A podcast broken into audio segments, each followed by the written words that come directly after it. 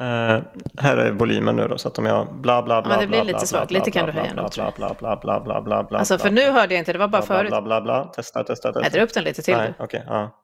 Nu då, nu testar vi. 1, 2, 1, 2, 1, 2. Jag checkade det här till Ja, det låter bra. Bla, bla. Mm. bla, bla. Livslångt. En podd om lärande.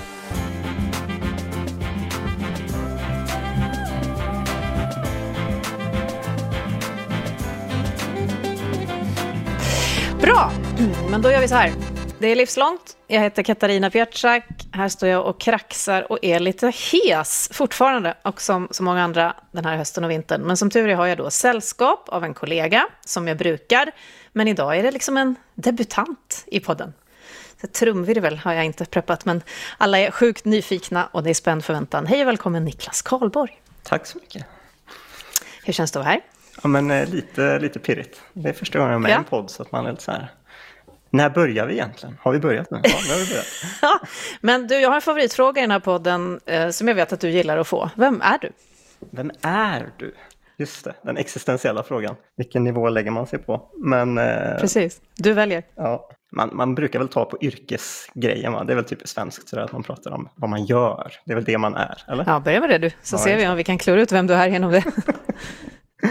Ja, nej men eh, jag är väl en ganska teknikintresserad person som eh, hamnat i det här med, med lärandesvängen här på RISE. Hur hamnade du där du är på RISE? Vad tog dig dit?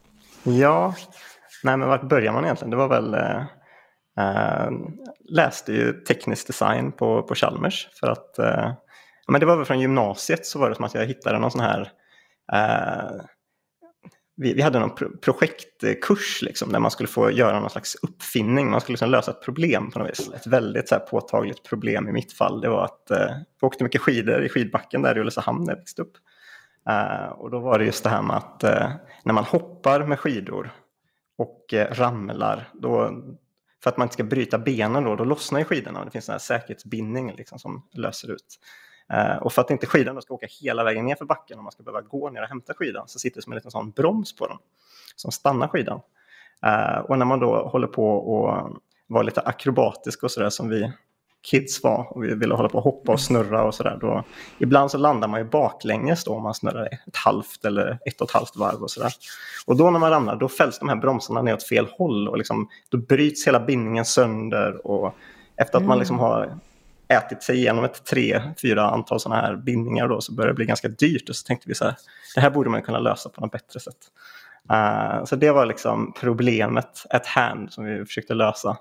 Eh, och jag gillade liksom hela den där approachen av att eh, ha ett problem och försöka liksom att lösa det genom att man testar olika lösningar. Så vi byggde någon slags prototyp där och med någon slags spiralfjädrar som skulle böja sig och sådär och det, och det funkar ganska bra. Eh, Ja, det så det var väl eh, från det som gjorde att jag eh, tänkte att men det här med att göra lösningar på, på produkt, ja, produktutveckling helt enkelt, att det kändes intressant. Så då sökte jag mig in Mm. till, till Chalmers på det. Och sen gick du vidare från det, och visst har du också läst utomlands? Ja, nej, men precis. Det var ganska kul faktiskt, när jag började då läsa på teknisk design på Chalmers så var det en annan klasskamrat som hette Samuel som helt oberoende från mitt problem, det här med de här skidorna, hade attackerat exakt samma problem och hade kommit fram till exakt samma lösning. Nej, du skojar. Eh, så det var lite, lite kul. Då fick man lite så vatten på sin kvarn. Att bara, men då kanske det var en bra lösning ändå om flera personer på oberoende håll liksom kommer fram till samma grej. Ja. Uh, nej men precis. Och sen så läste jag någon termin nere i Holland i, på TU Delft. Eh, och det var också, ja men det kommer jag ihåg just att där var det en sån otroligt högre ribba liksom. Att de ställer väldigt, väldigt mycket högre krav liksom på, på det universitetet än, än på Chalmers då. Så då var det också, det känns som att man under livets gång går man in i lite sådana här väggar när man liksom tror att nu har jag livet under kontroll och sen så bam så kommer en sån när man bara oj shit nu måste jag tänka om allting eller nu måste jag Ja. ändra Växla upp, beteende. eller? Liksom. Ja, exakt. Jag kan tillägga då att vi har jobbat ihop i flera år i galet intensiva sammanhang. Eh, skapat just saker, försökt lösa problem, eh, varit på resor och event. Och då kan man säga att det, så allt vi kommer att prata om här idag har liksom ett ursprung då. Men det är också du som har hjälpt mig att sätta upp och rigga hela den här podden utan att jag då lyckas använda allt fullt ut. Det ska vi också komma tillbaka till. Men utan dig fanns nog faktiskt inte den här podden. Ska vi verkligen säga. Och eh, det kanske vi inte ska prata så mycket om. Men eh, det här som du var inne på nu sist då, hela den här resan här som vi har haft gemensamt och hela den du har haft innan. Eh, när du definierar livslångt lärande, när du kommer till de här väggarna, när det går vidare, hur tänker du kring det då? Vad, vad är det för dig, eller vad har det kunnat vara? Det är väl eh, någonting som, som eh, tvingar en att, att göra någonting annorlunda på något vis. Och antingen så kan det vara att man drivs av någon slags nyfikenhet, att det liksom kommer inifrån, att man vill utforska någonting och sådär. Eh, eller så kan det vara någon slags nödvändighet som, som läggs på en utifrån på något vis. Liksom. Är det skillnad för dig då om det kommer som en pålaga från någon respektive om det kommer i dig? Ja, eller jag vet inte. Det är ju så här om man, om man liksom tänker på eh, sin comfort zone. Liksom. Att det, det, är någon slags zon som är runt en där, där, man känner sig trygg när man är innanför den här comfort zonen. Eh, och när man är inne där så är det liksom, då kan man återhämta sig och man kan eh, kanske inte utmana så mycket så att man lär sig liksom inte nödvändigtvis så himla mycket. Eh, uh, Medan när man kommer utanför sin comfort zone då, då, då, då är det liksom friktion och då lär man sig grejer. Och jag kan tänka att det, det är en väldigt stor skillnad på om man frivilligt ger sig utanför sin comfort zone eller om man av yttre omständigheter eller livssituationer liksom hamnar utanför sin comfort zone. Samtidigt så känns det ibland också som att den här comfort zonen, den här liksom cirkeln runt den, att den liksom krymper hela tiden av sig själv. Att man liksom aktivt måste hålla på att pusha ut i den för att man inte ska plötsligt bara sitta i sin lägenhet och inte ens våga gå utanför dörren. Håller helt med. Och ibland säger folk så här, det händer med åren. Då får jag panik. jag vill inte att de åren ska hända. Eh, samtidigt som jag själv känner att det blir tröttare och tröttare av för hårt tryck utifrån så, mm. med åren. Så. Ja, men du, jag har bjudit in dig för att jag, och jag är inte ensam om det, har reagerat på att du är så natural born pedagog. Att du hamnar i situationen där du lär andra. Hur, hur tänker du själv kring det? Har, har, liksom, har, du tänkt kring pedagogik? Nej, jag har väl, eh, jag har ju liksom inga formella meriter inom den biten alls. Liksom, så jag kan inte liksom claima någonting så, men eh, jag tycker det är väldigt kul att försöka sätta mig in i hur andra människor tänker och deras situation och sen så känns det som att eh, när, man, när man gör det så kan man ju strukturera det som man säger till dem på ett sätt som gör att det, det går fram, liksom. att man använder ord som, som de förstår och att man men också det här kanske att man, man, man vet själv hur lätt det är att låsa sig själv. Liksom. Att man kan bli rädd för någonting som är nytt. Liksom. Då kan det också vara en grej kanske som man försöker ha i bakhuvudet. Att man kanske inte plötsligt bara börjar blåsa upp en massa stora konstiga buzzwords eller stora ord som skrämmer folk och så känner man att bara så här, shit, nu är det någonting nytt här som jag borde ha koll på och så låser man sig själv. Liksom. Ja, det, här, det du beskriver är ju mm. dels någon form av empati, men också att du utgår ifrån den du har framför dig, eller den eller de som ska lära någonting.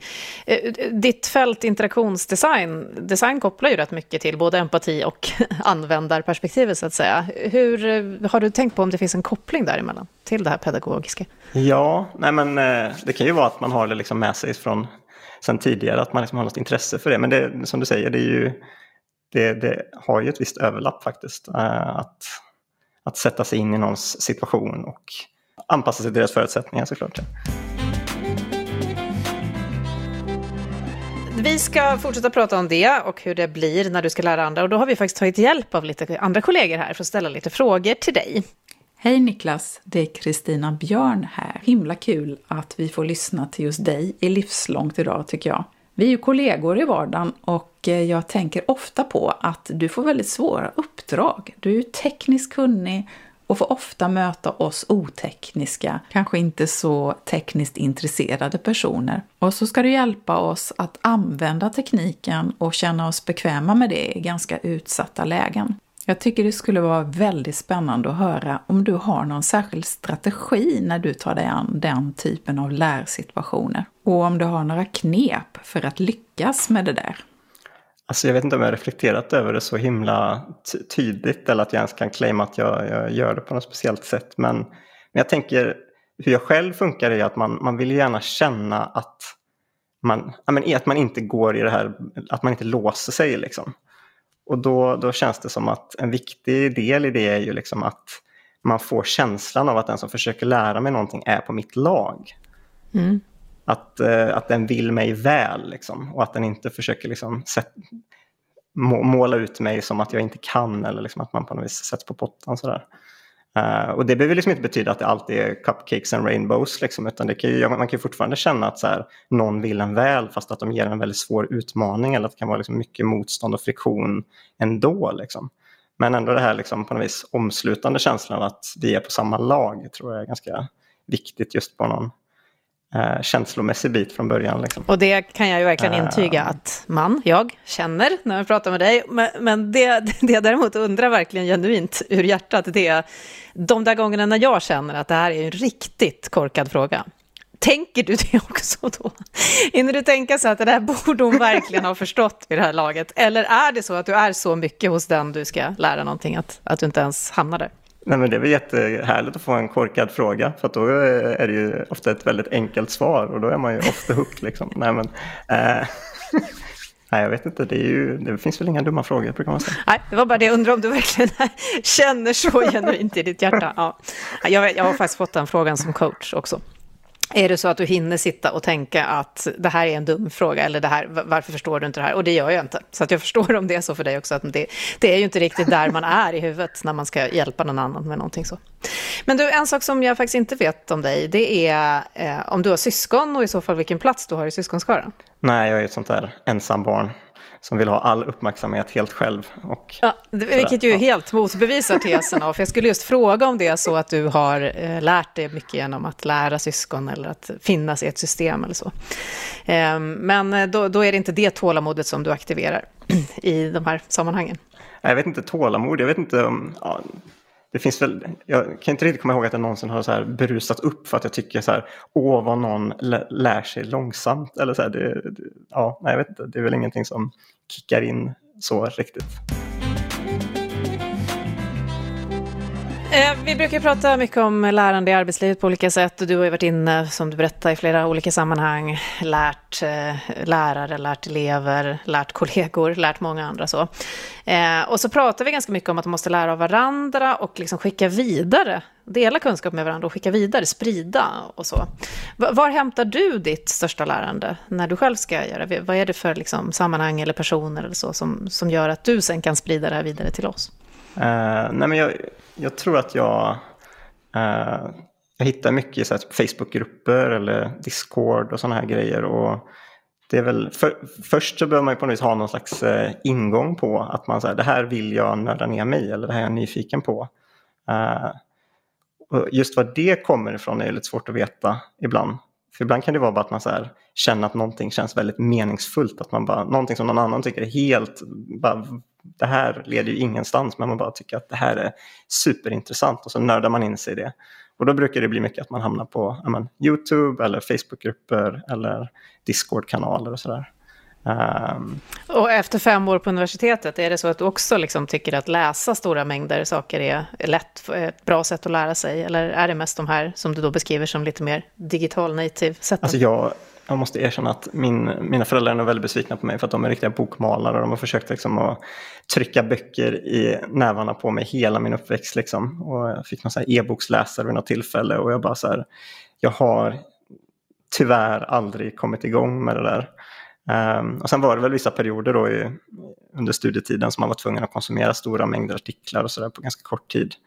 Och då märkte jag hur min uppmärksamhet var så himla dålig på att läsa att jag fastnade liksom i små svarta hål i texten och loopade runt, runt, runt. Liksom. Och till slut så fick jag liksom sätta upp någon slags strategi där, där jag, jag tog en sammanfattning av texten och sen så tog jag helt enkelt och exporterade den som en sån här text to speech. Och så hade jag då liksom en sån här digital röst som läste upp texten samtidigt som jag satt och bara stirrade på texten.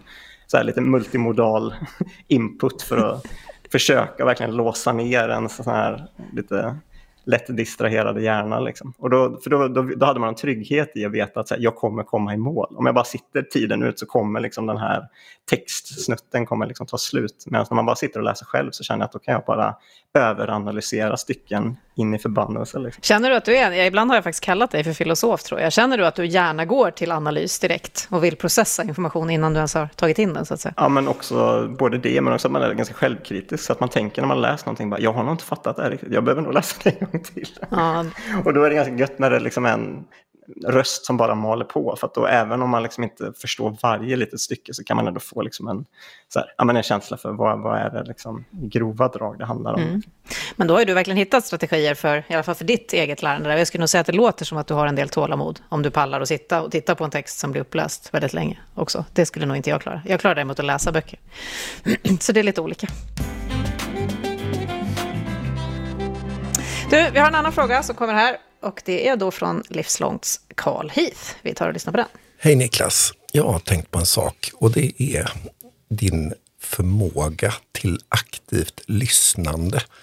Jag upplever att du när du möter människor i din utbildningsgärning är väldigt bra på att observera och höra den andra.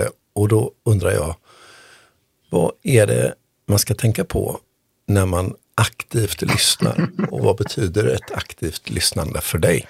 Ja, jag vet inte. Det, det är ju faktiskt, eh, jag kommer att tänka på det nu, men apropå det vi sa precis, det här med att man kanske har svårt att fokusera på en text när man bara läser den på en skärm eller att det blir, jag tycker att det är mycket lättare till exempel om man, om man har ett samtal med någon så kan jag tycka att det är otroligt mycket lättare att lyssna om man till exempel sitter och kör bil och båda liksom tittar ut i världen liksom, och så pratar man utan att sitta liksom och stirra på varandra eller sådär. Liksom, att man på något vis gör någonting eller att man får liksom nya intryck under tiden. Eh, till exempel det här som vi har nu när vi sitter och gör den här podden. Då det, det, det är jättesvårt att koncentrera sig och faktiskt lyssna känner jag just för att det, ja, men det, ja, så det finns nog någonting i just det här med att man på något vis lyssnar på ett annat sätt om man gör saker eller om man, om man ses fysiskt tänker jag också. Men också det här rumsliga liksom för eh, men det är när man åker med bil till exempel och pratar och har ett samtal. Då är det ju liksom det liknar lite sättet som jag försökte tentaplugga för. Och då var det också så att jag tog alla liksom sammanfattningar och gjorde till en ljudfil. Och sen så lyssnade jag på den när jag var ute och gick en promenad. Och då var det framförallt då att jag försökte gå nya promenader för varje prov. För att annars var det som att då för, då fick man liksom någon slags eh, följdordning på allting man hade hört. Och då kunde man liksom sitta där och så bara, just det, det var vid den där stubben och sen så svängde jag där. Och så kommer man ihåg att så här, ja, men det, det, det, var någonting om det här som hade att göra med det där huset. Att man, liksom, man kopplar det till något, något rumsligt. Liksom. Uh, och det, det kände jag. Det är väl så sådana här minnesmästare gör, va? kopplar det till platser och Ja, men jag, jag tror jag försökte härma det lite, fast istället för att liksom hitta på något fantasihus liksom, så gick jag en promenad bara. Liksom. Mm. Så att ja, nej men uh, lyssnande biten, det är ju det är olika svårt i olika sammanhang.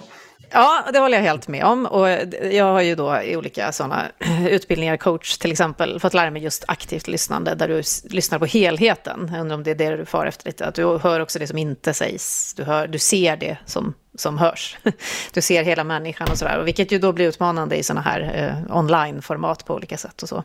Men det du beskrev nu var ju när du skulle ta in information och lyssnar. När du ska lyssna på någon som beskriver sitt problem, när jag beskriver att jag inte får en mikrofon att fungera eller när någon ska stå framför en kamera och läsa någonting och sådär. Vet du hur du gör då? Är det någonting som är lättare eller svårare att lyssna på då? Hmm. Ja, men det handlar väl mycket om att ställa jag tänker att man, man bygger väl upp någon slags modell i huvudet av hur den andres världsbild är. Liksom. Att man försöker skapa sin egen liten modell av hur den andres modell är. Liksom. Och då kan man ju hitta olika effektiva kontrollfrågor för att se så här, har jag rätt modell av vad din modell är? Liksom. Jag tror att det vore fantastiskt om alla pedagoger ibland kollade det. har vi samma bild av det vi pratar om nu? Har vi samma språk för det? Kommunicerar vi om samma sak? Eh, jag tror att det är en jätteviktig faktor i lärande. Men när du då ska visa någon det här, Kristina var ju inne lite på det tidigare i sin fråga, det här motståndet, eller det som du beskrev som friktion, för en del är ju det eh, faktiskt ett reellt motstånd till och med, som man kan känna när man ska lära sig något nytt. Mm. Jag kan se det på mina barn till exempel, de blir otroligt taggiga när man ska plugga till saker och de är stressade över kan inte och prestationsångest och så. Eh, om du märker någonting sånt, vad försöker du göra då? Jag, jag tror ju mycket att man funkar ju kanske ganska mycket så själv också. Jag kan ju se det hos mitt egna beteende när man är helt orationell och helt ologiskt bara vägrar att göra någonting för att man har låst sig. Liksom. Och att man hamnar i en slags prokrastinering till exempel. Att man bara sätter hälarna i backen och stretar emot. Liksom. Uh, och de grejerna som funkar bäst på en själv då tänker jag kanske också är lite sånt man kan ha som knep om man märker att någon annan sätter hälarna i backen. Liksom. Och det kan ju vara då till exempel att man ja, man sänker ambitionsnivån först och främst rejält. Och att man eh, försöker fokusera på att börja litet liksom, och göra någon liten grej bara och kanske börja med det som är roligast. Liksom. Istället för att försöka beta av det, det jobbigaste först och ha det roliga som belöning sen. Så är det, det viktiga är liksom att få upp något slags momentum och bara komma igång, tänker jag. Liksom. Ska testa det med barnen nästa gång. Men provet då? Mm.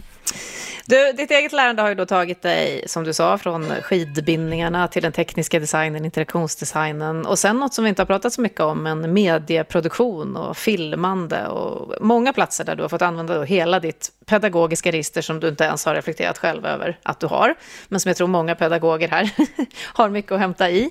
Eh, hur vill du, vet du vad du vill sikta framöver? Vart nästa vägg av lärande i ditt liv är? Siktar du så? Tänker du på nya saker? Alltså jag, jag jag omges ju av dig och så många andra kollegor som är så otroligt strategiska och så bra på att liksom planera framåt och sådär. Och jag måste säga att jag är jag är inte alls sån riktigt. Jag har liksom ingen sån riktig vision framåt. Utan jag, jag, jag tror att jag funkar lite mer så att jag, jag gillar liksom att bygga upp en verktygslåda av verktyg där jag hoppas att de kan komma till användning för att hjälpa andra människor med deras vision. Liksom. Uh, och då kan det ju antingen hända då att man liksom eh, att någon kommer med ett problem och då, då har man ju någonting som man vill lösa då för att kunna hjälpa den här personen. Och finns det en anledning att nörda in sig i det och lära sig det verktyget och kunna använda det. Men eh, ibland så blir det också att man bara får någon egen, eget driv att shit, det här, det här är jag väldigt nyfiken på. Liksom.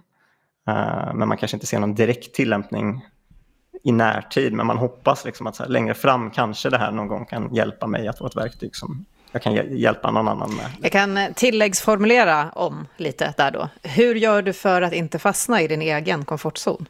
Med något du vet att du redan kan. Liksom. Ja, just det. Det är ju väldigt lätt. Eh, ibland så känns det som att amen, när komfortzonen bara krymper runt en och man är bekväm så sitter man still där och bara väntar. Men rätt som det är så kommer väl, då händer väl livet rätt som det är och sen så kommer något yttre, någon yttre faktor som, som tvingar en ut i att lära sig någonting, någonting nytt. Liksom. Och då får man upp lite mer momentum och sen så börjar man väl lära sig det. Liksom. Men eh, jag tror inte jag har någonting direkt på horisonten nu så här, som jag känner att det där, det där är verkligen näst, nästa grej. Eh, eller så har jag bara inte blivit riktigt varse om den. inte. inte utknuffa den. Ja, eh, när du väl får det då så kommer här vår sista fråga eh, som handlar om vad som händer med dig då, när du får en sån knuff och tar dig ur kanske en komfortzon eller bara får en impuls att lära dig något nytt. Och den kommer då från vår andra livslångt kompis Lars Lingman. Den låter så här. Hej Niklas! Jag vet att du vid något tillfälle har beskrivit för mig att du ibland kan hamna i någon form av liksom lärande flow. Där du verkligen liksom, tid och rum försvinner lite grann och du djupdyker i någonting som du behöver ta dig an och lära dig och skaffa dig kunskaper om. Ehm, och jag funderar lite grann om du har några tankar om hur man kanske kan rigga den typen av känsla och drivkrafter eh, hos andra i lärande situationer. Jag vet inte, många, som, många liksom målar upp det här med flow som en sån himla positiv grej för att det är så, här, det är så euforiskt och man, man glömmer bort tid och rum och så glömmer man liksom bort att så här, att vara i flow, det är ju ganska Eh, man är inte som välfungerande individ i samhället om man glömmer bort att äta och sova. Och man, alltså det är någon form av besatthet liksom, som kanske romantiseras väldigt, väldigt mycket i samhället. Eh, och ja, jag vet inte, det är ju det är väldigt härligt när det händer och kanske så, men... Kan du inte beskriva hur det ser ut? Vad kan det vara för flow som du hamnar i då och när? Jag hade några musikkontroller som man har liksom för att spela, spela musik på syntar och sådär. Och sen så behöver man egentligen en dator för att kunna använda den här. Och då så hade jag bestämt mig för att på något sätt så ska jag kunna använda den här grejen utan en dator. Så jag vill liksom bygga typ som en egen liten låda som då skulle kunna översätta vad den här gör och skicka signaler till synten och sådär. Och så hade jag liksom ingen aning om det här skulle funka men jag ville bara börja nysta i det och så köpte jag lite prylar så jag kunde börja labba med det och så till slut så börjar man märka att ja, men det här funkar ju och det här funkar och då får man upp någon slags driv att shit, det är ingen som har gjort det här innan och jag ser en potentiell väg som jag kan liksom få den här grejen att, att hända. Liksom. Och då, då kickade den här besattheten igång och eh, jag satt och programmerade, jag tror säkert tre dygn i sträck eller något sånt där. Och eh, min dåvarande flickvän, hon hade skickat så många sms, stackarn, och hade liksom trott att jag hade ghostat henne. Och, och sen så när jag kom ur den här bubblan tänkte jag bara, va? va? Nej, vadå, jag har väl inte... Där. Tiden försvann. Ja.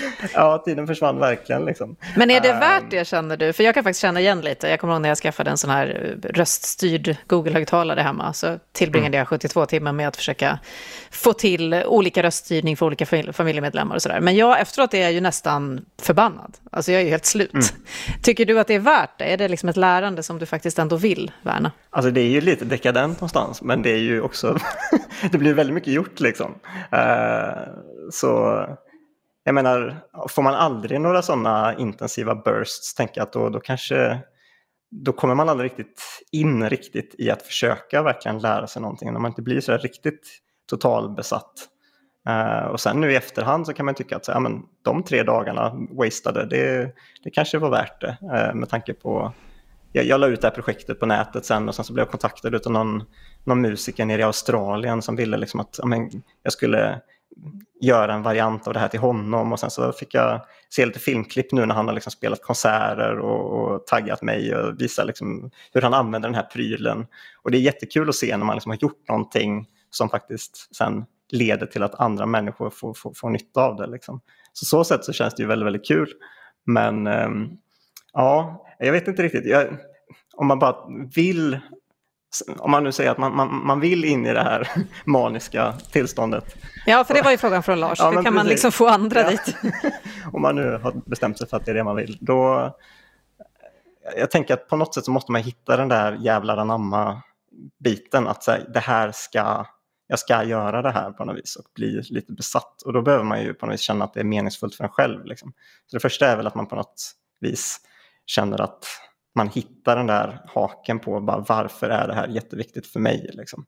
Och det har jag aldrig riktigt känt med någon sån här generisk eh, skoluppgift som jag vet att jag bara gör för att liksom, jag ska öva på någonting. Men att det löser ju inget mm. problem och det är ingenting som är nytt i det. Liksom. Lite av kicken jag fick av den här, det här projektet till exempel, och det var ju också just att man känner att shit, det här är någonting som inte någon har gjort innan. Liksom. Att man, man vill vara först med någonting. Liksom. Mm. Uh, så det, ja, man får väl hitta den där drivkraften för att inte ge upp helt enkelt. Och också något som vi faktiskt har varit inne på ganska nyligen här i podden också, om att du skapade värde för andra. Nu har ju liksom din, din besatthet och det sättet som du kunde visa och lära andra spridit sig ända till Australien. Så det om något är väl ett tecken på att det här är någonting att, att satsa vidare på. Ja, man vill ju gärna kunna säga så här att ja, anledningen till att jag nördar in mig på grejer och blir besatt av att göra saker, det är bara för att hjälpa andra. Men där och då var ju inte det tanken. Då var det ju bara att man hade gett sig fasen på att den här grejen skulle bli klar. Mm. Liksom. Mm.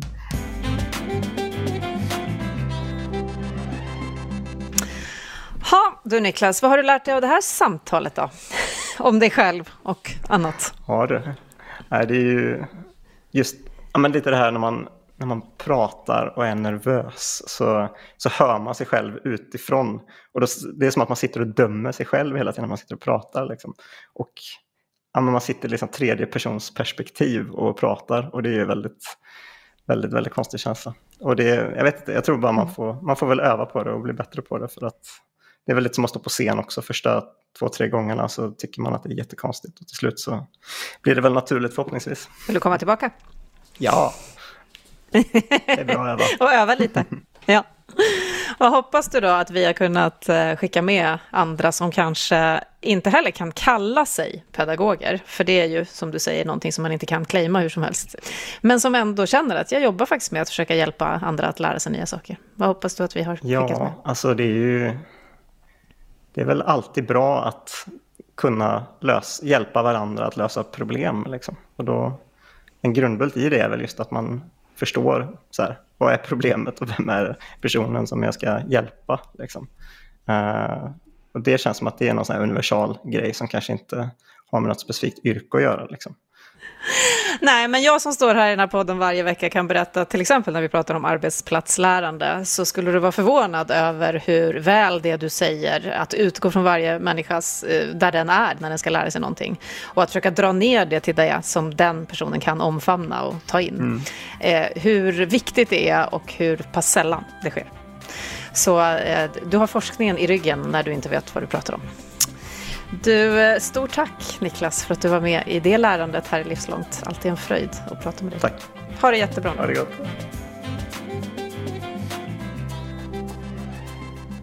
Du har just hört Livslångt, en podd från RISE om allt det där man lär sig i livet. Vi hörs om en vecka igen.